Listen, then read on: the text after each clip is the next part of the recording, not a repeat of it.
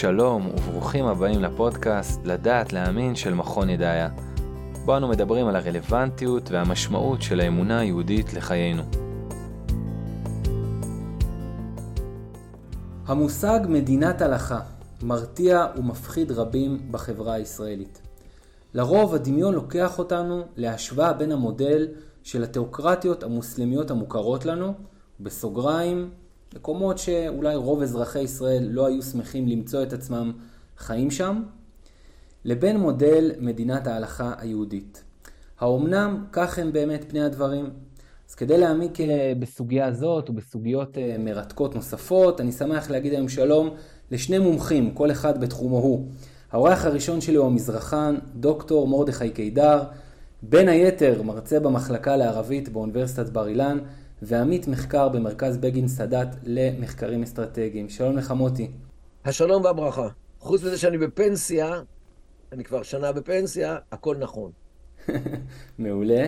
אמ, אני אומר היום שלום גם לאורח ותיק כאן בפודקאסט, הרב הדיין, דוקטור עידו רכניץ, מנהל המחקר במכון משפטי ארץ ומנהל רשת בתי הדין ארץ חמדה גזית, מחבר הספרים מדינה כהלכה, התמודדות יהודית עם אתגר העצמאות, והספר האחרון שלו, מדינת התורה הדמוקרטית. שלום לך, הרב עידו.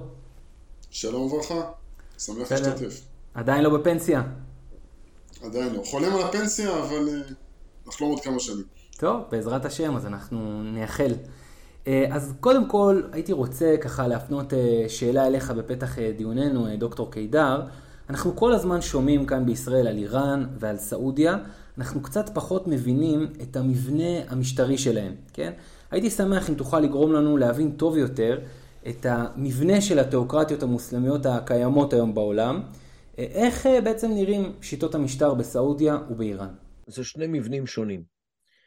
דבר ראשון, המשותף לשניהם הוא העובדה ששניהם לוקחים את החוק הקוראני, זאת אומרת את השריעה האסלאמית, את ההלכה האסלאמית, כבסיס לדחיקה וגם בבסיס לשיפוט, ובעצם חוק אזרחי אמיתי, אה, כזה שמנותק מהדת, לא קיים בשתיהם. ולכן אה, אה, הן נחשבות כמדינות, כל פנים בעצמה, על, על פי עצמן נחשבות כמדינות תיאוקרטיות, או מדינות שמונחות על ידי השריעה האסלאמית. כאן פחות או יותר מסתיים הדמיון. אה, אה, הדבר השונה בשניהם הוא שבפירמידת המשטר האיראני יש מרכיב של בחירות. איפה הוא נמצא? הוא נמצא בקומה הרביעית מלמעלה. זאת אומרת, הקומה העליונה זה המנהיג העליון. הוא המנהיג העליון בחסדי אללה, והוא מחובר אל האל, כפי שמאמינים, אה, או לאל, עדיף אל המהדי, אל המשיח שלהם, שהוא חי וקיים כבר יותר מאלף שנה, וממנו מקבל את האור. אה, מתחתיו יש עוד שתי קומות של מועצות, אה, כן, שגם כן אנשי דת, שאחראיות על מה שקורה במדינה. אה, ואלה קבוצות שנבחרות על ידי עצמן, זאת אומרת, הן בוחרות את האנשים שלהם, כמובן, אלה אנשי דת. מתוך, עכשיו, כל השלוש קומות הללו, הם של מה שנקרא פוקהה, אה, זה ריבוי של המילה פקי. פקי בערבית משמעותו אדם שהוא בקי בענייני הדת. אה, זאת אומרת, השלטון בעצם מרוכז בידי אנשי הדת, מכיוון שהם מחוברים אל היושב במרומים, הם מקבלים ממנו את התבונה האלוהית, ולכן כל החלטותיהם הן החלטות אלוהיות, ולכן הן נכונות. וזה מה שנקרא במשפט אחד, ווילאיית אל-פקי, נכון? שלטון איש הדת. ווילאיית אל-פקי, משמעותה שלטון איש הדת. זה, זה המילה פקי, באה משם. מתחתם, קומה רביעית, מלמעלה, כאן כבר יש הגופים היותר אנושיים, זאת אומרת, אלו שנבחרים על ידי בני אדם. זאת אומרת, בית הנבחרים, ממשלה ונשיא. זאת אומרת, נשיא איראן, הוא נמצא בקומה הרביעית מלמעלה של השלטון, במקביל לבית הנבחרים. הם נבחרים, אבל למה, מי בוחר בהם? העם. זאת אומרת זה כמו שאצלנו, נגיד, אם יש בהיררכיה הממשלתית, יש לך ראש ממשלה, יש לך שר, יש לך, מתחתיו יש מנכ"ל, ותחתיו יש נגיד ראשי אגפים. אוקיי? זה ההיררכיה הממשלתית אצלנו. תאר לעצמך שהבחירות בישראל הייתה, היו לראשי האגפים בלבד. כשמעליהם יש מנכ"ל, שר וראש ממשלה, שהם לא נבחרים, אלא הם בוחרים את עצמם בגלל שהם אנשי דת.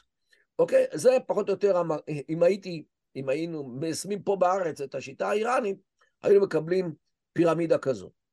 זה הסיפור באיראן.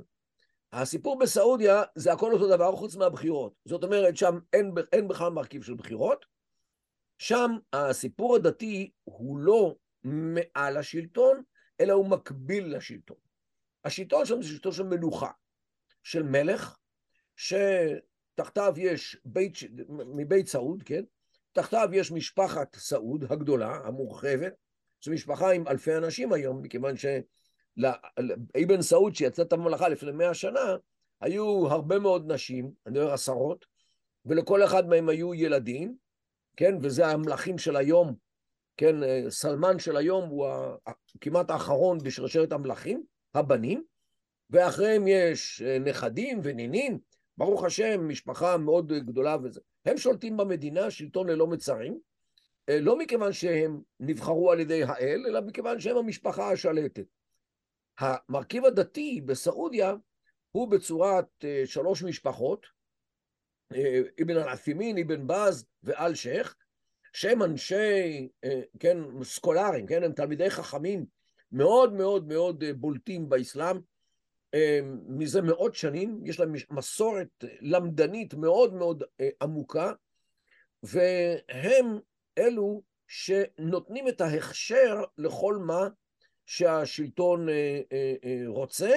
הם בעצם מקבילים, אבל הם כאילו הרגל השנייה שעל, שעליהם עומד השלטון. השלטון, הרגל האחת זה משפחת סעוד, והרגל השנייה זה אנשי הדת שנותנים את הלגיטימציה הדתית לכל מה שבני סעוד רוצים, ובהמשך אני אקרא לכם איזשהו טקסט שמבטא מה המשמעות של התמיכה הזאת.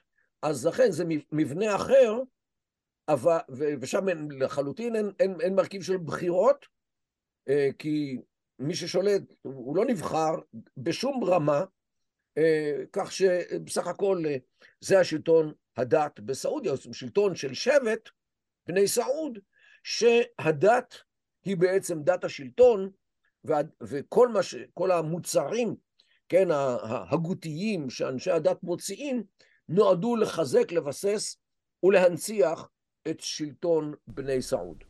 ואולי בהזדמנות הזאת גם תוכל לתת לנו איזושהי מילה על המבנה אה, והקשר שבין האסלאם לבין המשטר באמירויות. איפה זה אה, עובד בעצם בצורה שונה? האם זה עובד בצורה שונה? באמירויות גם שם יש בכל אחת מהאמירויות, כן, דובאי, אבו דאבי, ראס אל חיימה, פוג'יירה, אלה שבע אמירויות יש, אה, שמחוברות כמו האיחוד האירופאי, זה פדרציה, זה לא, זה לא כמו ארצות הברית, ששם אין ריבונות לניו יורק, אין ריבונות לפלורידה, אין ריבונות לניו ג'רסי. שם, באמירויות, כמו באירופה, יש, יש ריבונות לכל אחת מה, מהאמירויות, אבו דאבי ריבונית, אה, דובאי ריבונית. האיחוד הוא דומה לאיחוד האירופאי, ששם כן, צרפת ריבונית, בלגיה ריבונית, ובארצות הברית לא. אז לכן זה דומה יותר למבנה האירופאי. כל אמירות יש לה משפחה ששולטת, ו... אבל הנוכחות של אנשי הדת שם היא הרבה יותר מוצנעת. אה, כמובן שהשלטון שם הוא שלטון יחיד ועם עם חוקים משלו שיש בהם בהחלט אה, אה, מרכיב דתי, אבל אנשי הדת הם פחות בפרונט, כמו שזה ב, ב, בסעודיה.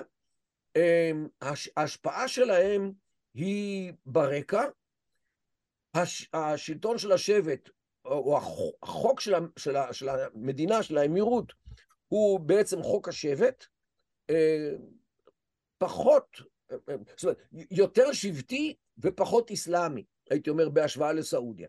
החוק האיראני והחוק הסעודי, מי קובע אותם?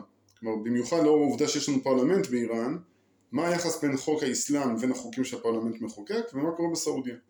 באיראן הפרלמנט הוא מחוקק, אבל היות שמעליו יש שלוש אה, סמכויות דתיות, אה, שום דבר שהוא מחוקק לא יכול להיות אה, מנוגד לדת. כיוון שיש שם בג"ץ, כן, או רשות על, או שלוש רשויות על שבודקות בקפידה רבה את, את מה שהפרלמנט עושה, כך שבסופו של דבר אה, כל מה שהפרלמנט מחוקק לא יכול להיות מנוגד לדת.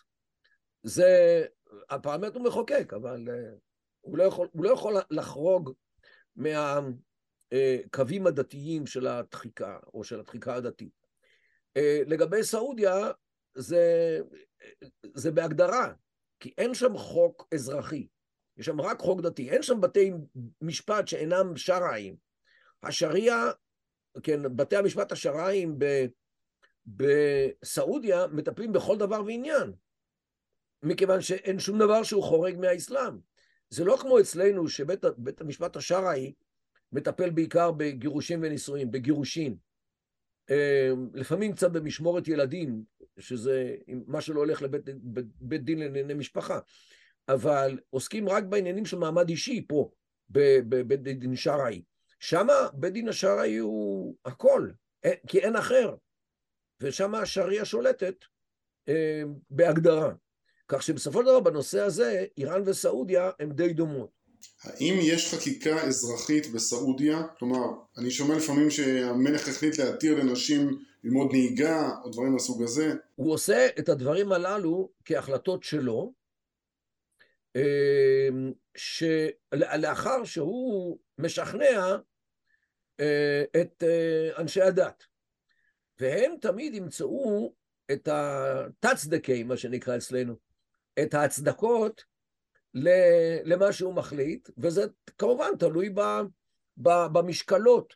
תראה, למשל, היה שם סיפור של משטרת הצניעות, מה שנקרא אל-חיסבה, שכן, הייתה רודה בעם אה, על הרקע של אה, אה, עבירות, או כן, על, על עבירות על חוקי הדת. למשל, מי שהיה מחזיק בבית חומר פורנוגרפי, או אה, מסתובב ליד אה, אה, פנימיות של בנות, כן, של בתי ספר של בנות, או כל מיני דברים כאלו, או שותה לשוכרה, משחק בקלפים, מהמר, או דברים כאלו, המשטרה הזאת הייתה, או, או בנות שהולכות בלי כיסוי ראש, או בלי כיסוי פנים באיזושהי תקופה שהייתה, או גברת שהולכת ברחוב בלי גבר, מהמשפחה שמלווה אותה.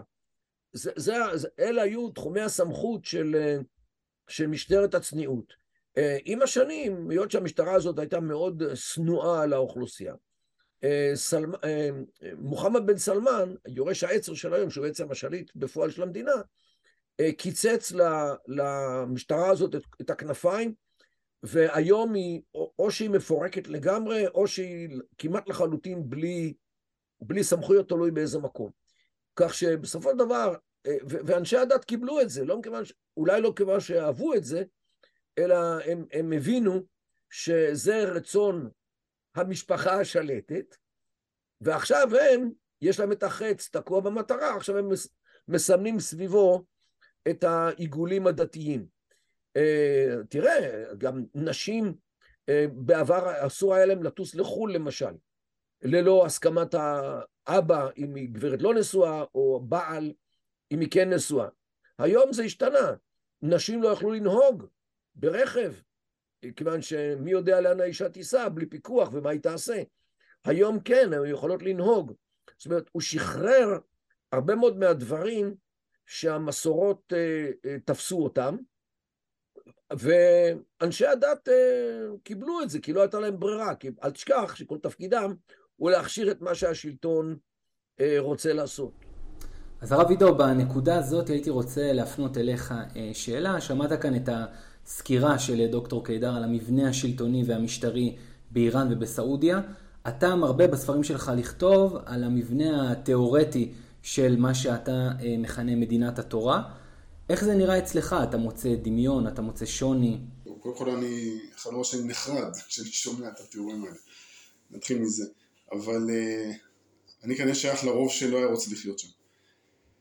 Um, יש שוני, יש, ש, אני, אני אציג קודם, קודם כל את המבנה המשטר במדינת התורה היהודית, אגב לא מדינת הלכה, מדינת, המונח מדינת הלכה הוא מונח של בן גוריון, שלדעתי איננו נכון, כיוון שבמדינה היהודית ההלכה איננה שולטת, אה, עוד מעט אני אסביר מה כן. אה, מה שיש לנו זה כך, יש לנו במדינת התורה קודם כל באמת שתי רשויות מקבילות ולא, אין ביניהם יחסים של כפיפות. רשות אחת היא הרשות השלטונית, שבתורה וברמב"ם היא מלך, ומאז הרמב"ם ועד היום היא רשות דמוקרטית. כלומר, אני אומר מאז הרמב"ם, הכוונה לנבחרי הציבור שכונו טובי העיר, מופיעים כבר במשנה, בתוספתא, אבל הם הפכו להיות ההנהגה של הקהילות במשך מאות שנים בכל העולם היהודי, והם נבחרו בוודאי ברוב המקומות בבחירות דמוקרטיות. וזה אגב מסביר את התשתית הדמוקרטית של מדינת ישראל, שבגלל זה הצלחנו להקים פה דמוקרטיה, כי קמנו מתוך אמ, השקפת עולם אה, פוליטית דמוקרטית, יהודית, שקדמה בהרבה למדינת ישראל. אז זו הרשות השלטונית, ויש לנו אה, רשות דתית שהיא פרשני החוק הדתי, שמה שנקרא בית הדין, אפשר נקראים גם סנהדרין, כלומר מוסד הסנהדרין שמופיע ברמב"ם, אחרי ביטול הסנהדרין, בית הדין הדתי, שהוא מוסמך לפרש את חוקי הדת. עכשיו, מערכת היחסים ביניהם היא הרבה יותר מורכבת, או מורכבת יחסית למה ששמענו כאן. קודם כל, באמת, מצד אחד, באופן עקרוני, החוק העליון הוא חוק הדת, חוקי הדת, ותחתיהם ובכפוף להם אפשר לחוקק חוקים אה, שאינם דתיים. כלומר, אפשר לחוקק חוקים וגם כך נעשה במשך כל השנים, גם טובי העיר חוקקו חוקים, אה, גם המלך יכול לחוקק, דין דמלכותא, לחוקק חוקים אזרחיים, ועכשיו, אמרתי בכפוף לחוקי הדת, אבל המילה בכפוף היא, קודם כל, כמו, כמו, כמו כל דבר בהלכה היא נתונה במחלוקת, אבל יש המון תקדימים לחוקים שהם הם, או כמעט סותרים את חוקי התורה, בוודאי במובנים מסוימים. אני אפרט קצת. אבל באופן עקרוני, כשמוטי בעצם אה, תיאר כאן, איך זה עובד באיראן, שבעצם יש לך את המועצה העליונה, שהיא כמעין איזשהו בג"ץ שבסופו של דבר נותן את הסטמפלה על מה עובר מבחינת חוק במדינה, אתה אומר, תשמע, זה גם נמצא אצלנו. צריך להבין, חוק מורכב בכל מקום בעולם מפלילי, אזרחי ומינהלי.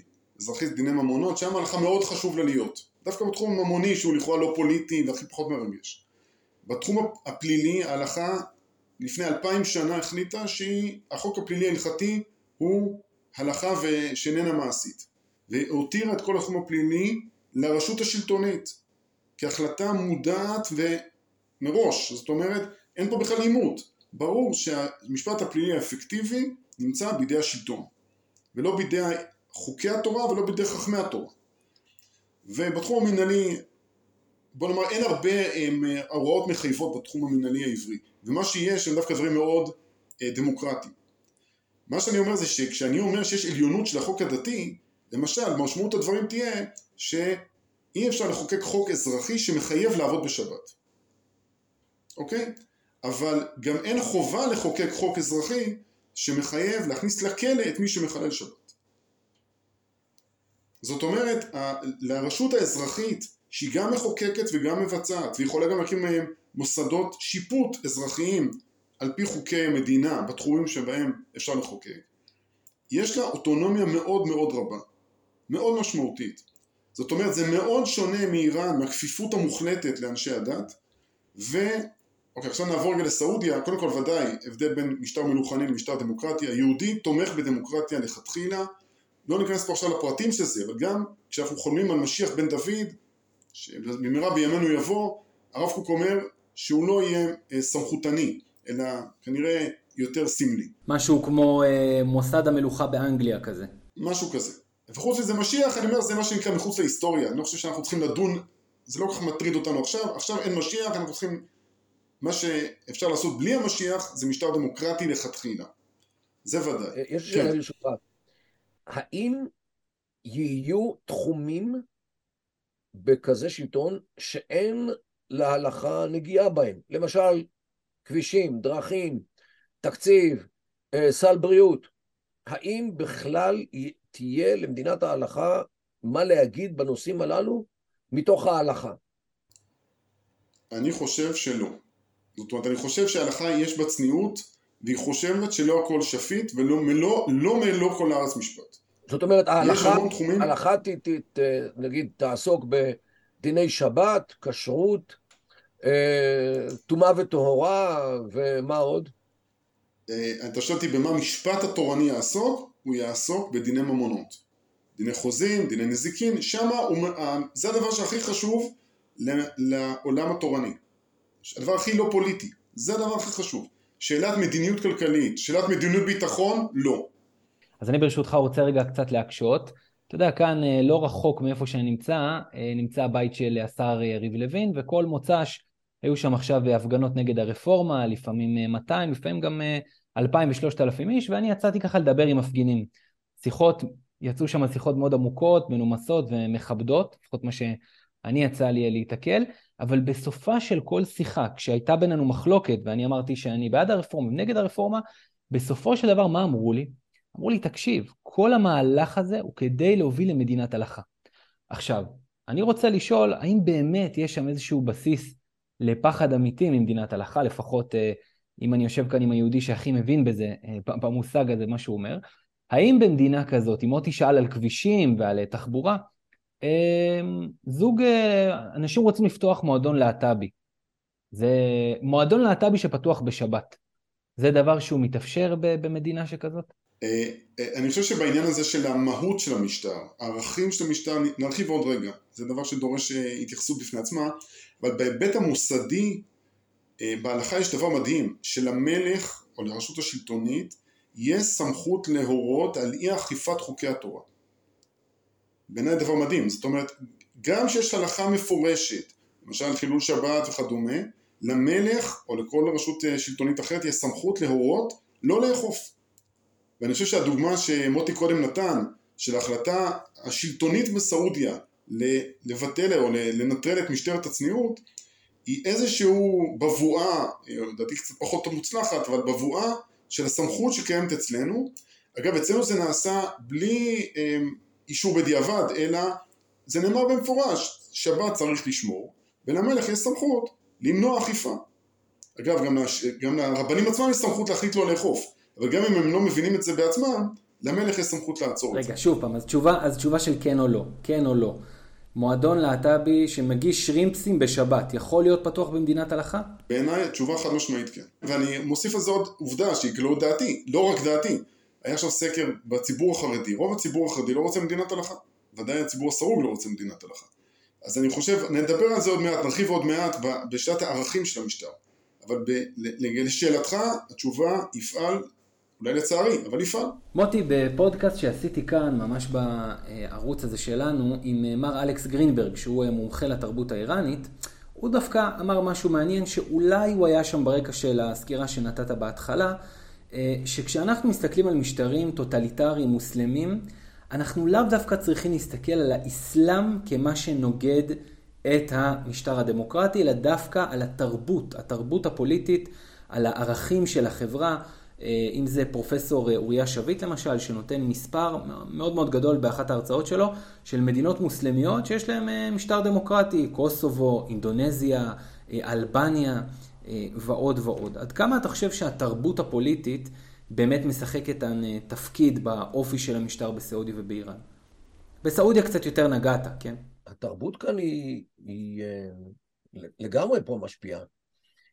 אינדונזיה למשל, האסלאם שם הוא אסלאם light, הייתי אומר. אה, אנשים, אומנם הם מוסלמים בהגדרה, אבל אין להם כמעט שום מושג על האסלאם, על ההלכות שלו. אפילו התפילה, שכולה שבעה פסוקים של הסורה הראשונה בקוראן, לא יודעים אותה בעל פה. זה, זה, הם מוסלמים, כי אין להם דת אחרת, והם פעם אבותיהם מוסלמו, אבל בפועל הם, הם, הם לא מוסלמים, הם בתיאוריה מוסלמים. מה שנקרא מוסלמים by birth. הם נולדו מוסלמים, אבל יותר מזה אין להם שום, שום עניין, ולכן אתה יכול לנהל את המדינה עם תרבות אחרת, עם, עם, כן, עם כללים אחרים, עם, עם uh, תפיסות אחרות, עם ערכים אחרים, uh, מכיוון שהאסלאם אין לו שם כמעט, על רוב האוכלוס, הרוב הגדול של האוכלוסייה, אין לו, אין לו שום השפעה. Uh, זה לגבי העניין הזה. אבל לגבי, uh, מהי, מהי התפיסות האזרחיות של, uh, בסעודיה למשל? כאן הייתי רוצה לצטט מאיזשהו ספרון אה, שיוצר, כן, בסעודיה, אה, על ידי החבר'ה הללו, הדתיים, וזה ספר די מודרני, הוא מלפני כמה שנים, אה, משנת 1997, זאת אומרת, משהו כמו עשרים וכמה שנים. שם הספר, אל-עלאקה ביינה אל-חאקם לא מחכום, הקשר בין השליט והנשלט, פי מנזור אל סלאף וסלאח רדי עלאו ענהו, מתוך נקודת מבטם של האבות המייסדים זיכרונם לברכה, זאת אומרת, המייסדים של האסלאם. הוא אומר פה בספר דברים מדהימים שהייתי ממליץ שתחזקו או תהדקו את חגורות הבטיחות. הוא אומר ככה, אה, סעיף 4. יכול להיות שיהיה עושק של, של השליט, אבל צריך ל, ל, להתנהג על זה בסבלנות. זאת אומרת, סובלנות, זאת אומרת, קבל עליך את הסבל. אם השליט אה, מתנהג באופן עושק לצאן מרעיתו, לאזרחים, והוא אה, אה, פועל כנגדם בענייני העולם הזה, או שמפחית את אה, זכויותיהם, או שהוא לקח לעצמו כל מיני זכויות אה, על חשבונם, חובה על הרעייה, על הצאן, כן, על, על הנשלטים, לקבל את הדבר הזה בסובלנות ובסבלנות, ולחשוב שכתוצאה מהסבל הם יקבלו את השכר מאללה אה, אה, יתעלה. אה, וכאן הוא, הוא, הוא, הוא מצטט מה, מהחדית', כן, מהתורה שבעל פה האסלאמית, שאומר ככה, אה, קבל עליך, קבלו עליכם אפילו עבד חבשי, זאת אומרת שחור, שבעולם הערבי הוא עבד, קבלו עליכם, אפילו שקטוע ידיים ורגליים, מוג'דה, זאת אומרת, אדם שהוא הכי נחות מבחינה חברתית, כן, כמובן, אם הוא יותר מכם בנושא של הדת, תשמעו לו, זאת אומרת, הישמעו לו וצייתו לפקודותיו. אם הוא מכה אותך, אה, אה, אה, קבל את זה. אם הוא שרף אותך, קבל את זה. אם הוא מוריד משהו מזכויותיך, אמור אעשה ואשמע, כן, אשמע ואעשה, ואל תצא מה... הכלל האסלאמי, כן? למשל. אה, בהמשך הוא אומר, כל העושק שהשליטים מפילים על צאן מרעיתם הוא בגלל חטאי האזרחים, זאת אומרת, אה, אה, מה שהם סובלים זה בגלל החטאים שלהם, ולכן הסבל שהם סובלים, וכתוצאה מזה, זה כפרה כפרה לחטאים שלהם, אה, כן, וכתוצאה מזה יש להם את הניסיון שהם עוברים אותו, ואם אה, אה, השליט ישפר את יחסו אליהם, זאת אומרת שאללה סלח להם על, על חטאיהם. זאת אומרת, הצדקה תיאולוגית די ברורה למשטר מלוכני ועושק, כן. עושק שקוצץ את ראשי אזרחיו אם הם מתנהגים לא יפה, כפי שזה המצב הוא בסעודיה. וזו החשיבה התיאולוגית שבאמצעותה המדינה הזאת פועלת. אם אני קוצץ לכם את הראש, זה בגלל החטאים שלכם. אוקיי? אז הם תמיד כמובן ינסו למצוא חטא, כמו אה, אה, שהבן אדם סחר בסמים, או באלכוהול, או ב... אה, כן, ניהל בית הימורים, או עסק בפורנוגרפיה, בשביל להוריד לו את הראש. למה? כי זה מנוגד לאסלאם. או, וחמור יותר, שהוא מתנגד לשלטון. וכאן מה, מה הקטע? בראייתם, אם אני שולט במדינה, אז זה בגלל שאללה השליט אותי על המדינה. וכי יכולתי לשלוט על המדינה בלי החלטתו של היושב במרומים? ולכן כל מי שמתנגד לשלטון שלי, ככה חושב, כן, ההיגיון הפוליטי בסעודיה, אם, אם, אם אני שולט, זאת אומרת שאללה החליט כך. אז מי שמתנגד לי, הוא בעצם מתנגד לאללה. ולכן צריך להפריד את הראש שלו מהכתפיים. כי הוא מורד באללה. המרד כנגד השלטון הוא בעצם מרד נגד אללה, והחלטותיו של אללה. וזה בעצם מה שמאפשר להם לקצר את ראשיהם, או לקצוץ את ראשיהם של אנשים שמתנגדים לשלטון, כי הם בעצם מתנגדים לאללה. אם אפשר, אני אכניס פה את ההיבט התיאורטי של התיאוקרטיה, שמה ששמענו כאן, לזה קוראים מלך בחסד האל. כלומר שהדת תומכת בעצם בשלטון האזרחי ונותנת לו בעצם צ'ק פתוח לעשות מה שהוא רוצה אומרת לו כל מה שאתה עושה זה בשם האל, זה בחסד האל לכן אתה משוחרר מכל, אה, מכל ביקורת ומכל אה, אפשרות להתקומם. זה מזכיר את הוולת אלפקי האיראנית או הפרסית או השיעית שאומרת שהשליט שולט בחסדי האל מכיוון שהוא פקי, הוא חכם דת, אז הוא מחובר אל האל וכל החלטותיו הן החלטות אלוהיות.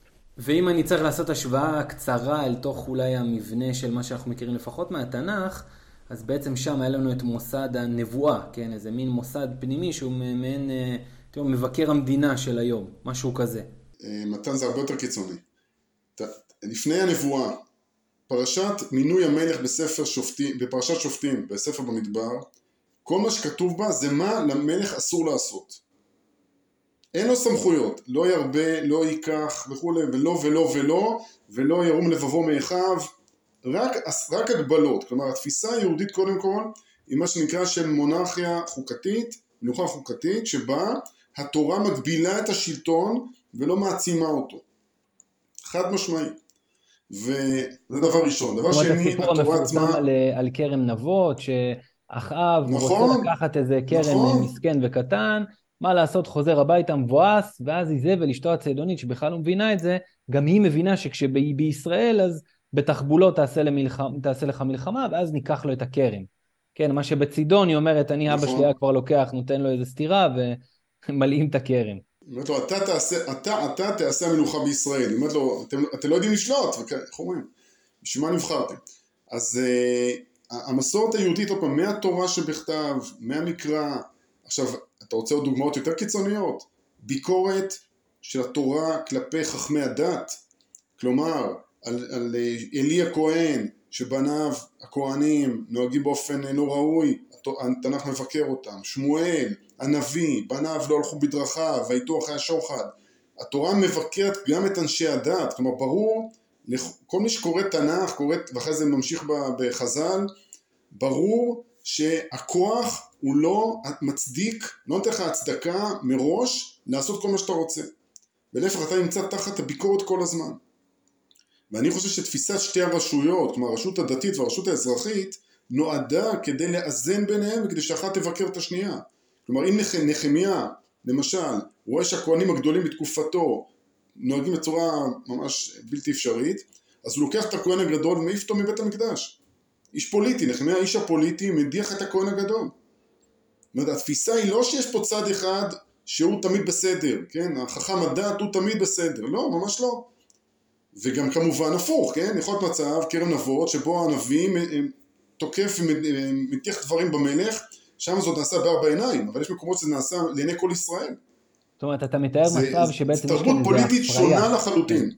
שיש כאן איזה הפריה הדדית בין כל המוסדות השונים. כן. יפה. עכשיו בוא... בוא נשתמש במונח הפוליטי, בלמים ואיזונים. בלמים ואיזונים. אז זה, זה משטר שונה לחלוטין. ובכל זאת, בוא ניכנס עכשיו לשאלה של אה, מהות וערכים. אה, איפה אתה רואה למשל את המזהה התנגשות בין ערכים אה, ליברליים לבין המודל שאתה מציע? נלך לשאלת המיליון דולר והיא שאלת הכפייה הדתית. זו השאלה הכי מטרידה, כי אני חושב שרוב האנשים לא מוטרדים משאלת דיני החוזים בהלכה. קודם כל יש פה שתי רמות שצריך להתייחס אליהן. רמה אחת היא מה שנקרא שורת הדין. כלומר, אתה לומד את המקורות as is, כמו שהם, מה שכתוב זה יש כפייה דתית, התורה מלאה בעונשים לאנשים שעוברים על מצוות הדת, כן, כל מי שלומד פרשת שבוע יודע את זה, עונש על חילול שבת, עונש, עונש על, כן, המון עונשים על המון דברים. אבל יש לנו כבר בתוך זה שני דברים שאנחנו צריכים להכיר. דבר ראשון זה שחז"ל החליטו לקבוע סדרי דין ודיני ראיות כאלה שהם אומרים, חז"ל אומרים על עצמם שעל פי דיני הראיות האלה סנהדרין שהורגת פעם אחת בשבע שנים ויש אומרים פעם אחת בשבעים שנה נקראת חובלנית, כלומר זה סנהדרין אלימה. כלומר הנחת היסוד היא שהמשפט הפלילי העברי הוא, כמו שאמרתי קודם, הלכה, ו... הלכה ולא למעשה. אפשר לדון מה משמעותו ההגותית, אבל ודאי שבחינה מעשית חז"ל עצמם נטרלו אותו. זה אמירה ראשונה בתוך שורת הדין. אמירה שנייה בתוך שורת הדין, ואותה אני הראיתי אה, בספר שלי אה, מדינה כהלכה, היא שפוסקי ההלכה הבחינו בין כפייה דתית במרחב הציבורי לבין כפייה דתית במרחב האישי. הם קבעו שורה של הלכות שמטרתה ליצור מרחב אה, מוגן, חממה, שבה אדם יכול לנהוג כפי הבנתו. אני אתן דוגמה מובהקת, סיפור יפה ושמופיע בגמרא, שאדם אחד בא להלשין על חברו שהוא עבר, עבר עבירה, בא לפני בית הדין והעיד כנגדו. אמרו, אמר לו בית הדין, כיוון שאתה רק עד אחד, וצריך שני עדים, אז בעצם העדות שלך היא לא, לא מועילה. כיוון שהיא לא מועילה, אתה בעצם סתם אומר לשון הרע. ולכן הם הענישו את העד. עכשיו זאת תרבות שאומרת, האמירה הזאת היא משמעותה, אנחנו לא רוצים מלשינים בתרבות שלנו. אדם עובר עבירה בפני בני משפחתו, בפני אדם אחד, זה עניין שלו. אתה לא אמור, זה, זה עניין בינו לבין הקדוש ברוך הוא. זה קשור כמובן לתפיסת הבחירה החופשית, שהיא עקרון יסוד במשפט העברי ובהלכה, בתורה, שאנחנו רוצים לשמר אותו. אם, אם בכל מקום מסתובבת משטרה חשאית ומשטרת הצניעות, וכופה כפייה דתית, אין, אין בחירה חופשית. יש בחירה, כן, אתה עושה, כל מה שאתה עושה זה מפני פחד המשטרה. זה ברובד של שורת הדין. אחרי זה, ברובד של פוסקי זמננו, הרב קוק והחזון איש, שניהם כותבים שגם במרחב הציבורי אין, אין כפייה דתית בימינו. החזון איש מסביר את זה בגלל ירידת הדורות, כלומר בגלל ירידת הדורות כיום הציבור לא מבין את התועלת שבכפייה דתית, לא מבין למה אנשים עושים את זה, וכל כפייה דתית תגרום לתגובת נגד, ראינו את זה באיראן עם מחאת החיג'אב, אמ, קל וחומר שיקרה אצלנו, ולכן החזון איש אומר זה לא עובד, אל תעשה את זה, פשוט לא יועיל, כי העם לא ברמה מספיק גבוהה. להבנתי הרב קוק אומר זה לא בגלל ירידת הדורות, זה בגלל עליית הדורות.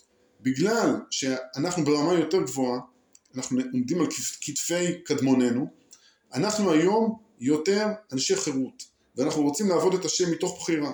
ולכן אפילו כפייה דתית מינימלית מקוממת אותנו. אנחנו רוצים לעשות את הדברים באמת מתוך בחירה חופשית. אם נחזור לדוגמה שאמרת, מועדון להט"ב בשבת שמגישים בו אוכל לא כשר, טרפות אה, ושקצים, אני חושב שבימינו אסור לגעת בזה. ואני אומר את זה גם אם במדינת ישראל יהיו 80 מנדטים של דתיים חרדים. כלומר, ו- יש לך ומצד הגאווה, שהוא... מצד הגאווה בירושלים. כנ"ל, כנ"ל. ויובל נוח הררי, לא, אני פשוט אומר יובל נוח הררי בגלל שהוא אמר, כן. אם הרפורמה הזאת עוברת, אני לא, יכ... לא יוכל לחקור כאן, כן? לא יהיה חופש אקדמי. זה מה שהוא אמר רק על הרפורמה המשפטית, עוד לא מדינת הלכה. אני נכנס... איך אומרים, תרשה לי לומר שלדעתי הדיכוי היום באקדמיה הוא לא כלפי אנשי שמאל, אלא כלפי אנשי ימין, למיטב ידיעתי. אולי למוט אבל... כאן משהו מעניין להוסיף בהקשר הזה. בתור, בתור אמריטוס. אבל... אה, זה שהאקדמיה היא, אה, היא אה, אוטוקרטיה ליברלית, זה ברור. והם מתייחסים לעצמם כאל כך.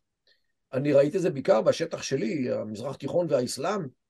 היום בעולם אתה לא יכול לפרסם שום דבר שמוסלמים לא מרגישים נוח לקרוא אותו.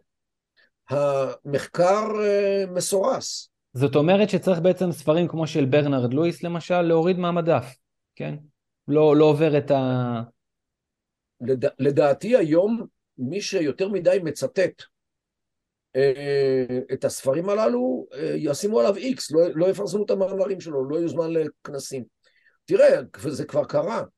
היה פעם באוניברסיטה העברית בירושלים אנתרופולוג שהוא כתב ספר The Arab Mind. המנטליות הערבית. פתאי, רפאל פתאי. פתאי, פתאי, נכון. רפאל פתאי, נכון, תודה. הוא כתב ספר The Arab Mind, אה, הוא גם כתב The Jewish Mind, אה, כן? על ה... ספר טוב, ספר מצוין, The Jewish Mind. הספר הזה מבוסס, אני לא יודע לגבי ה-Jewish Mind כי לא קראתי, אבל הספר השני, The Arab Mind, מבוסס לחלוטין על עובדות בשטח, על מחקרים, על ממצאים, על הכול הזה, והוא כתב את ה... עכשיו הספר הזה, כשהוא כתב אותו, נדמה לי זה בשנות ה-60 של המאה הקודמת, עוד, עוד מותר היה לכתוב דברים כאלו. ולכן הוא נחשב באמת לחוקר טוב. היום, מי שמעז לצטט את הספר הזה, אה, ואת המחבר, את רפאל פתאי, עושים עליו איקס, איקס אקדמי. לא יזמינו אותו, לא, י, לא יפרסמו מאמרים שלו, לא יפרסמו ספרים שלו. כלום, אפס, נאדה. והיום, מה שקרה, זה שהרבה מאוד חוקרי אסלאם וחוקרי מזרח תיכון מחזיקים את הספר הזה בבית בשביל ללמוד להבין, כי הספר הזה הוא ספר מדהים בנכונותו, אבל הם לא יגידו שהם עושים את זה. הם עושים את זה בהסתר ובהיחווה, ומישהו אפילו אמר לי שיש לו את זה בבית, רק הוא הוריד את הכריכה כדי שאנשים לא ידעו איזה ספר זה. שגם אם יום אחד מישהו יגיע אליו וימצאו את הספר, אז יראו אותו בלי הכריכה ובלי העמוד הראשון, כדי שלא ידעו מה שם הספר. וואו, כמו איזה ספר נסתר. אה, אני אומר לך, כי זה, זה הפך להיות לחוכמת הנסתר. זו חוכמה שכולם מכירים, אבל מסתירים את זה מפני שזה לא פוליטיקלי קורקט אה, לצטט את, אה, את רפאל פתאי, ובעיקר את ספרו The Arab Mind, אוקיי? זה דוגמה לשריפת ספרים, הייתי אומר, בבית המטאפורי, בגלל שהם לא מתאימים לצייסטגייסט, זאת אומרת, לרוח הזמן. והרוח הזמן היום זה פוליטיקל קורקטנס, ואתה לא יכול לכתוב שום דבר שמוסלמים לא אוהבים לקרוא, אז, אז המחקר בעצם מסורס. וזה מה שקורה, לדעתי, בהרבה מאוד שטחים באקדמיה, שטחים אחרים, בעיקר דברים שקשורים למדעי החברה והרוח. יש להם בעיה קצת עם מדעים מדויקים, אבל מדעים מדויקים הם, אתה יודע, הם פחות או יותר, הם פחות, הם פחות דיפרנטים, זאת אומרת, הם אינדיפרנטים כן. מבחינה אידיאולוגית, או אמורים להיות אינדיפרנטים, אבל... הרבה מאוד אנשים מהתחום של ביולוגיה, אנחנו... כן, הרבה מאוד אנשים... לא, גם בהם של... אנחנו רואים, גם בהם אנחנו רואים בעיה, כי למשל, על פי האסלאם, מכה היא. היא מרכז העולם. אתה יודע, יש פה דבר ראשון בעיה עם ההגדרה הזאת, שלכדור המרכז נמצא בפנים. אתה יודע, איפה שהטמפרטורות הן גבוהות למדי. ומכה לא נמצאת בפנים, אלא היא נמצאת על פני מעטפת כדור הארץ, עד כמה שאני יודע, כן? ולכן לא, לומר... אבל אתה יודע. זה יכול להיות אבל גם ברמת האמירה הרוחנית, יש הרבה יהודים שיגידו לך, תשמע, ירושלים אה, מרכז העולם, כן? כל מיני דברים כאלה. אבל אף אחד לא טוען שהיא מרכז העולם הגיאוגרפי. הגיאוגרפי. היא, היא מרכז העולם הרוחני, כן, אבל לגבי מכה, הם משוכנעים שהיא מרכז העולם הגיאוגרפי. מדעי הרוח, מדעי החברה, נגועים היום בצורה קשה בהטיות שנועדו לא להרגיז את המוסלמים. הרב עידו, שאלה נוספת אה, בהקשר הזה באמת של תרבות וערכים, אה, כשאנחנו מסתכלים על דוקטרינת דעת תורה, שיש אה, חלקים בעולם החרדי מחזיקים בה, זה די דומה למה ש... איך שמוטי תיאר את תהליך קבלת ההחלטות באיראן, כן? מועצת שלטון חכמי ההלכה. קודם כל, האמת שעוד הערה אחרונה למה שנאמר פה קודם, ב... יש לנו הלכה שקוראים לה זקן ממרא, שאומרת כך, אם התקבלה הלכה בסנהדרין, אסור להורות בניגוד להלכה הזאת. כלומר, יש אחדות הפיקוד, אחדות המעשה. אבל מותר ללמד בניגוד להוראת סנהדרין. כלומר, יש חופש אקדמי כמובן, בהוראה למעשה יש בית משפט אחד שמחליט, אבל מבחינת חופש אקדמי ישנו, יש גם יש במסורת שלנו. אה, עם זאת, כן. יש ישיבות שלא מכניסות את ספרי ההגות של אה, נגיד אה, ישעיהו ליבוביץ. לא כל אחד צריך ללמד את מה שכולם חושבים, אבל בסך הכל גם התרבות בפועל אצלנו יש המון ישיבות, כל מי שרוצה לפתוח פותח והציבור בוחר ללא פיקוח מלמעלה. כבר נכנסנו לזה, אני אומר עוד משפט אחד לפני שאני אענה לשאלה של מתן. אני כן בטוח, וזה בעצם מתחבר לשאלה של מתן, שהעולם היהודי בדרכו לצבור כוח פוליטי במדינת ישראל, צריך לעבור תהליך, תהליך תודעתי חשוב שהוא עובר אותו אבל עוד לא סיים אותו. כלומר יש הבדל גדול מאוד בין להתנהל, בין איך אתה מנהל את הישיבה שלך או את החסידות שלך, ששם אתה יכול להיות מאוד שתלטני ולהגביל ולא להכניס את הטוב, את ה... כן, בצורה מסוימת, לבין זה שמחזיק בכוח הפוליטי והצבאי, ושם אתה צריך להיות הרבה יותר ממלכתי והרבה יותר ליברל. אז uh, אני אופטימי כי אני חושב שבסך הכל הקוד הפנימי נמצא בעולם היהודי, אבל זה בהחלט תהליך שאני צריך לעבור אותו. אי אפשר לקחת את המודל של פיו מנהלים חסידות ולהעתיק אותו למדינת ישראל, התוצאה תהיה ממש אסון. Uh, עכשיו נענה לשאלת דעת תורה, נתייחס לעניין דעת תורה. דעת תורה קודם כל, זה, מהותו היא שהמפלגה הפוליטית, uh, מנהיגיה הפוליטיים, חברי הכנסת, הם נשמעים למועצה דתית. הדגם הזה הומצא באגודת ישראל בפולין בשנות ה-30 של המאה ה-20, כלומר בערך לפני מאה שנה, לפני כן הוא לא היה קיים. כלומר אני הצגתי פה... אני רק אגיד אבל זה הרבה יותר רחב רק מהפן הפוליטי, כי כשאני נפגשתי עם איזשהו אה, אה, רב חרדי חשוב מחסידי בלז, אז הוא ממש הסביר לי איך זה כשתלמיד חכם הולך לקנות בסופר, תלמיד חכם צריך לעשות החלטה שנוגעת למישורים צבאיים, תלמיד חכם צריך לעשות, כן, כל מה שקשור לעולם החול, הוא יעשה את זה בצורה הרבה יותר טובה, בדיוק, בדיוק, הוא יעשה את זה בצורה הרבה יותר טובה בגלל איזושהי סגולה, כן? אז זה, זה קצת חורג רק מהפן הפוליטי. קודם כל, מה שאתה אומר, קיים, היה קיים בחסידויות עוד לפני אה, אגודת ישראל, שהחסיד הולך לשאול את הרבי שלו גם שאלות ארציות. למכור את הפרה, לקנות את הפרה, למכור את העסק, לקנות את העסק, אנשים עשו את זה, ואגב עושים את זה גם היום. או להתיר לרופאים לעשות לאשתו ניתוח קיסרי כשהיא מקשה בלידתה. כן, למשל, כן, מתקשר לרב כשהרופא אומר לו לעשות ניתוח או לא, אז הוא מתקשר לרבי לשאול אותו מה לעשות. וזה, אוקיי, עכשיו, הקפיצה של זה לתוך אגודת ישראל הייתה בעצם, ש, וגם אימוץ של זה בתוך העולם הליטאי ולא כל כך חסידי, הייתה באמת קפיצת מדרגה. עכשיו אני אומר עוד פעם, במקורות היהודיים, ההלכתיים, תנ"ך, אין לנו דבר כזה. אין דבר כזה. שיש לנו אה, מנהיג דתי שנותן הוראות בעניינים ארציים. אין דבר, פשוט אין דבר כזה. אבל יש נביא ש, שמושך, שמושך מלך נביא? ל, אוקיי. למלוכה, כן? אין שום בעיה. אם יבוא נביא ויאמר שהקדוש ברוך הוא אמר לו שאתה לא צריך לקנות אוטו, אני ממליץ לך לשמוע לדבריו אם הוא באמת נביא. כן, הוא צריך להוכיח נבואתו, ואם לא, אז עונשו חמור, אבל רבי הוא לא נביא, ומועצת גדולי התורה, חכמי התורה אינם נביאים, אין לזה שום ויכוח. עכשיו... שמואל משך את דוד למלך, זה לא ועדת אה, בחירה של שופטים. אני אומר, שמואל היה נביא ממש, ואגב, דוד, גם אחרי שהוא נמשך למלך, היה צריך להיבחר על ידי העם.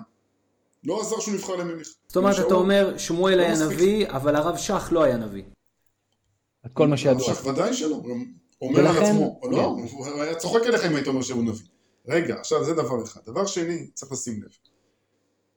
דגם דעת תורה החרדי, במבחן התוצאה שלו, בהצהרות שלו הוא מה שמתן אמר, שהרב מבין בהכל יותר טוב מכולם.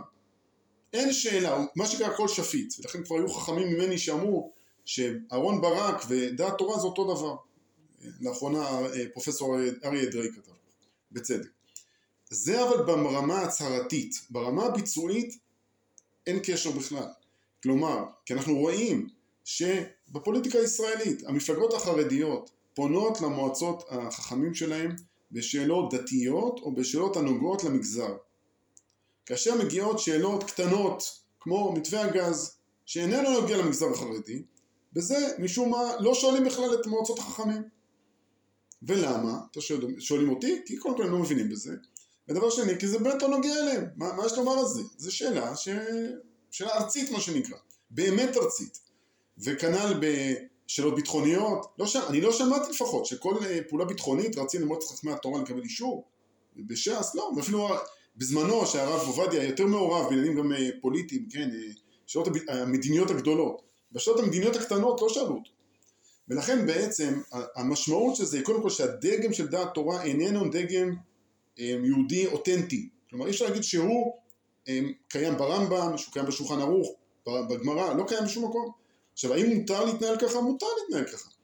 האם, עכשיו, זה אחד. דבר שני, בפועל, אין באמת אמירה תורנית בכל הסוגיות. להפך, בסוגיות הכי גדולות אין שום אמירה תורנית. שום אמירה תורנית. עכשיו, ונסיים בדבר חשוב. הרב קוק כותב, הרב קוק בעיניי הוא באמת, גם בסוגיות האלה, הוא מורה הדרך, בכל הצמתים החשובים הוא עומד. הוא כותב באיזה פסקה בהקשר שנראה ממש לא קשור, על נבואה באספקלריה המהירה. אומר, וזה קשור למה שמוטי אמר פה על הנבואה. רק משה רבנו, שהייתה לו לא רק נביא, אלא נביא מיוחד, שנבואתו לא תחזור, היה יכול להיות גם מלך וגם נביא ביחד. כך כותב הרב קוק. לעומת זאת, אחרי משה רבנו, ברירת המחדל היא לפצל בין שני התפקידים. והוא, והוא כותב שם אמירה שלפעמים לא נעימה לשמוע אותה. הוא אומר, כי אנשי המעשה לא מסוגלים להיות אנשי רוח אמיתיים, הם כבולים אל המעשה, ואנשי הרוח לא מסוגלים להיות אנשי מעשה אמיתיים כי הם כבולים אל הרוח. וההבנה האנושית הזאת העמוקה, שבעצם מסבירה לנו את ההלכה, את הרמב"ם, את התנ"ך, היא אמירה שאומרת בעצם התורה מכירה בזה שצריכה להיות הפרדה בין שני מוסדות מקבילים ולא יכולה להיות כפיפות. לא יכולה להיות.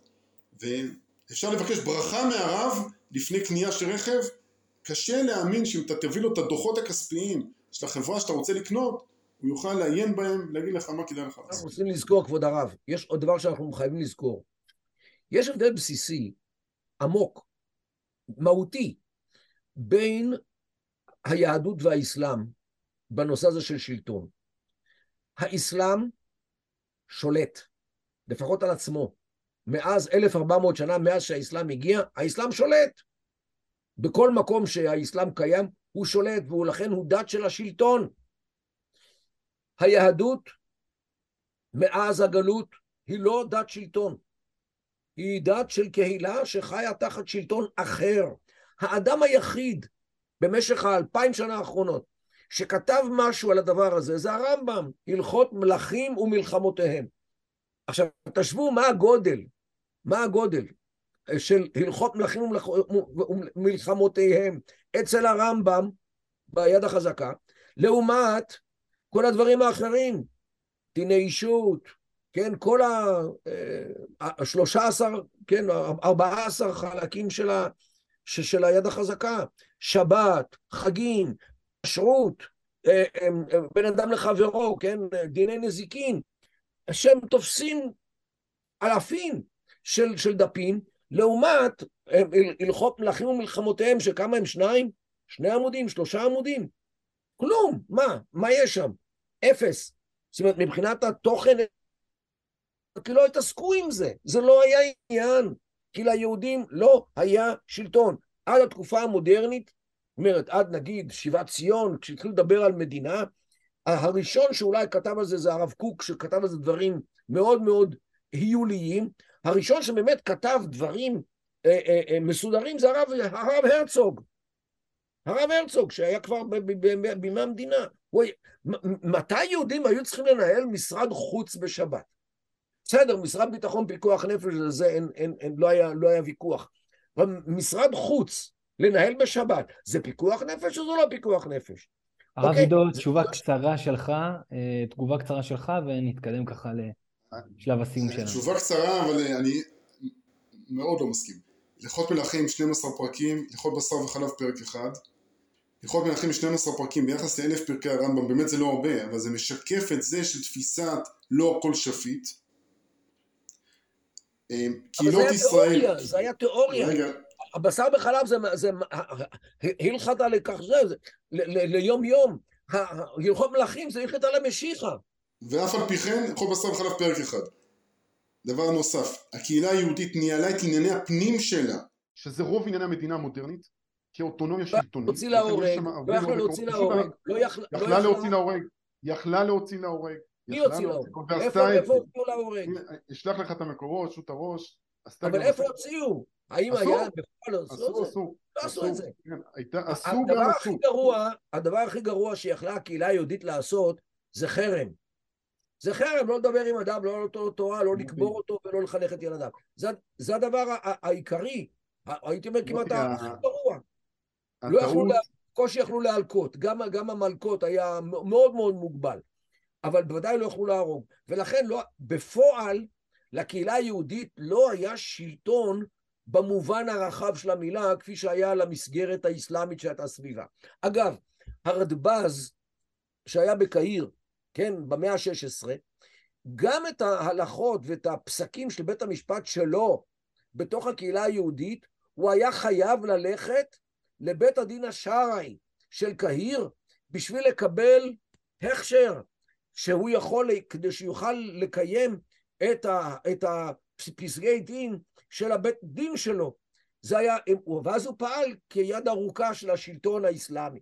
זה, זה עד כך יהודים היו תחת שלטון אחר, ולכן הרבה מאוד דברים שהתפתחו באסלאם, שהיה דת שלטונית, בכל, בכל המקומות, ברוב המקומות שהיהודים היו שם, ויהודים חיו תחת האסלאם, ולכן האסלאם התפתח כדת שלטונית, עם שלטון ומלכים והלכותיהם וכל הדברים הללו. היהודים לא התפתחו ב- ב- בכיוון הזה, וזה הבדל בסיסי מאוד כשאנחנו צריכים לחשוב על הלכה למדינה כפי שהתפתחה באסלאם, לעומת הלכה למדינה כפי שלא התפתחה ביהדות.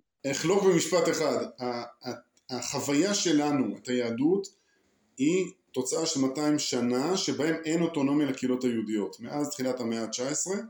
לפני כן, בתור הזהב בספרד, באירופה, יש אוטונומיה יהודית מלאה, כולל ענישה פלילית, כולל גביית מיסים, כולל חקיקה, כולל ענישה ושיפוט.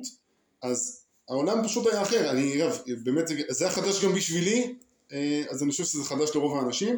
אני חושב שיש אמירה מהותית של אה, הפרדת רשויות, ולכן לא הכל מנוהל על ידי ההלכה. הרב עידו, הדברים שאתה אומר, אני מכיר אותם מפרופסור רות וייס, שמאוד אה, מהדהדת את התזה הזאת, לצד חוקרים נוספים, שמעתי גם את פרופסור אשר כהן מדבר על האוטונומיה של הקהילות בימי הביניים, וגם קצת לפני כן, אבל מה שלא היה בקהילות, וזה דבר מאוד מאוד חשוב במדינה המודרנית, זה מיעוטים. כן? זה לא היה קיים וזה מה שיש לכם במדינת ישראל. יש הבדלים וחלקם מהותיים, אבל זה לא שאנחנו מתחילים מהתנ"ך, גם לא מתחילים מהרמב"ם, אנחנו מתחילים מסלוניקי המאה ה-16, מספרד המאה ה-13, 14, אני אומר זה פער עצום, אבל זה פער עצום ולא פער עצום בריבוע. אפשר, ובאמת בנושאים האלה שמיעוטים התעסקו, הרב הרצוג וחכמי זמנו. דוקטור קידר, שאלה אחרונה לי אליך אה, לקראת סיום. האם לדעתך אנחנו צפויים לראות עוד ניסיונות לכונן אה, משטרים תיאוקרטיים בעולם המוסלמי, אולי כמו מה שראינו אה, האפיזודה של דאעש, או שמא אולי תהליכי מודרניזציה באמת כבר, מה שנקרא באיזושהי פתיחות מסוימת למערב, ייתנו את אותותם? אז ככה, דאעש היה בהחלט שלטון ששחזר או רצה לשחזר על כל פנים, את uh, השלטון האסלאמי של המאה השביעית, של, של ימי מוחמד, ממש. לקחו את הספרים ספרי ההיסטוריה, הלכו לפרק הראשון, וזה מה שהם ניסו, ניסו ליישם. עם זאת, אני חייב להגיד שיש מדינות שמנסות לשחזר את האסלאם כשלטון דרך ההגות של האחים המוסלמים. רואים את זה בצורה ממש מול עינינו בעזה. בעזה יש שלטון חמאס, אז מה אתה חושב, שיש שם... אה, מה זה חמאס? חמאס זה שלטון אסלאמי של האחים המוסלמים. נכון, עם כל מיני נגיעות מודרניות וכולי, אבל אה, זה לחלוטין שלטון של, של אנשי דת. נכון, הם, הם מתכסים בכל מיני אה, אה, חליפות אה, מודרניות, אבל בעיקרון זה אסלאם שהשתלט שם על השלטון. אה, טורקיה, אה, תחת ארדורן, קודם לכן תחת ארבקן, אה, ניסתה פחות או יותר אה, ליישם את השריעה, לא, לא עושים את זה לגמרי, כי עדיין יש שם אלכוהול ויש שם כל מיני דברים אחרים, אבל לפחות ברמת ההצהרה, הם רואים את עצמם כשלטון יותר אסלאמי מאשר השלטון החילוני שהטיל עליהם מוסטפא כמאל, אטאטורק וממשיכי דרכו. אז אנחנו רואים הבלחות כאלו של אה, אה, אה, קבוצות שפועלות, רואים את זה בצפון ניגריה, שם אותם חבר'ה של בוקו חראם, רואים את זה בשבאב בסומליה, אנשים שמתייחסים לעצמם כאל קבוצה ששואפת לשלטון ולהשליט את השריעה, אבל זה, זה, זה פחות או יותר הדברים הללו. חסן נסראללה בלבנון, כאשר הוא השתלט על המדינה, מה יהיה עם המדינה הזאת שנועדה להיות מדינת העם הנוצרי?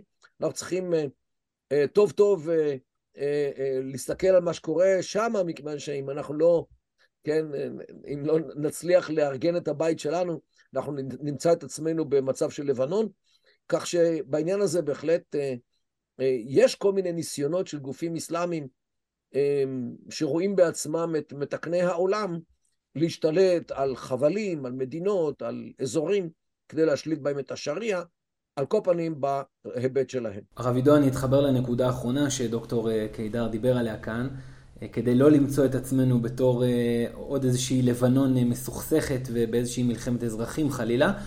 השם מדינת הלכה והפחד ממה שהדתיים נושאים בקיטבג שלהם ומביאים בעצם לדיון הציבורי, באמת מפחיד הרבה מאוד אנשים מהצד הליברלי של החברה הישראלית. אני איתך פה בשיחה, ואני שומע שחופש אקדמי זאת לא בעיה, ויחס למיעוטים זה לא בעיה. מיעוטים גם אני מתכוון לנשים וללהט"בים וזכויות ופתיחות באופן כללי לעולם. איך אתה חושב שהמסר הזה יכול לעבור איזושהי טרנספורמציה, ולא להפחיד ולא להרתיע, אה, כמו שבעצם קורה עכשיו? קודם כל אני לא דובר ולא יחצן, אז אני לא בטוח שזה העניין. אני יכול להגיד uh, מהצד שלי, קודם כל ש... uh, מה שנקרא מדינת התורה, לא מדינת הלכה, שאני, אני עכשיו מדייק, מדינת התורה זה מדינה שההלכה לא שולטת בה, זה מדינה שבה יש נאמנות לתורה, גם לשלטון, ושהוא רוצה לממש את ערכי התורה במדיניות שלו. Um, ולכן זה משהו מאוד שונה, והרבה יותר גמיש ופתוח. אה, אני חושב שדבר כזה לא יכול להתרחש לא בגניבה בלילה באיזה הצבעה בכנסת ואפילו לא על 64 מנדטים אלא הצד בשבילו באמת רצון עז של 80 אה, מנדטים, כלומר שרוב מוחלט של הציבור שרוצים משהו אחר אה, זה מצד אחד, ולכן זה רחוק מאוד, זה מצד אחד. ודבר שני, ואני חושב שהמרחק מאפשר זמן לחשיבה, קודם כל בתוך העולם היהודי. אה, פה אני מאוד מתחבר למה שמרדכי אמר קודם, שהעולם היהודי אחרי 200 שנה ללא ריבונות יהודית אה, בקהילות, ואחרי 70 שנות ריבונות אה, בסך הכל חילונית, לפתח כלים וחשיבה של ריבונות יהודית דורש זמן, דורש השקעה, וצריך להתחיל לעבוד על זה ולחשוב על זה. יש כאלה שמפחדים שעצם השיחות, לדבר על זה זה כבר סכנה. אני חושב ש... אם לא נדבר על זה, כשזה יקרה זה יהיה יותר גרוע. צריך לדבר על זה ולחשוב על זה וללמוד את זה ולבוא לזה מוכנים. כמו שאמרתי, אי אפשר לנהל מדינה כמו שמנהלים ישיבה וחסידות. ואת הטרנספורמציה הזאת צריך לעשות, ו, ויפה שעה אחת קודם. ומבחינת ההפחדה לא הפחדה, אני חושב שקודם כל באמת צריך לומר את הדברים, לדבר עליהם. אני חושב שרוב השיח היום במדינת הלכה נעשה או על ידי מניפולטורים, או על ידי אנשים שלא מבינים בזה כלום. לכן עדיף לקרוא לזה במקום מדינת הלכה, מדינה יהודית. אני מסכים, אני, אני באמת לא משתמש במונח מדינת הלכה, אני מקווה שגם הפודקאסט הזה ייקרא בשם אחר. אה, אולי למרות שמדינת הלכה זה מוכר טוב מה שנקרא, אז אה, תחליטו מה שתחליטו, אבל, אבל אה, נכון, זה גם, זה מיתוג אבל מיתוג אמיתי, אני חושב, ו... אז צריך גם את העבודה פנימה וגם את העבודה החוצה. ולאט לאט נעשה מדינה יהודית טובה. אני אומר, קורא לזה מדינת התורה הדמוקרטית, מדינת התורה הליברלית, אני חושב שיש דבר כזה ולשם אנחנו חותרים. דוקטור מרדכי קידר, הרב דוקטור עידו רכניץ, תודה רבה לכם על שיחה מרתקת.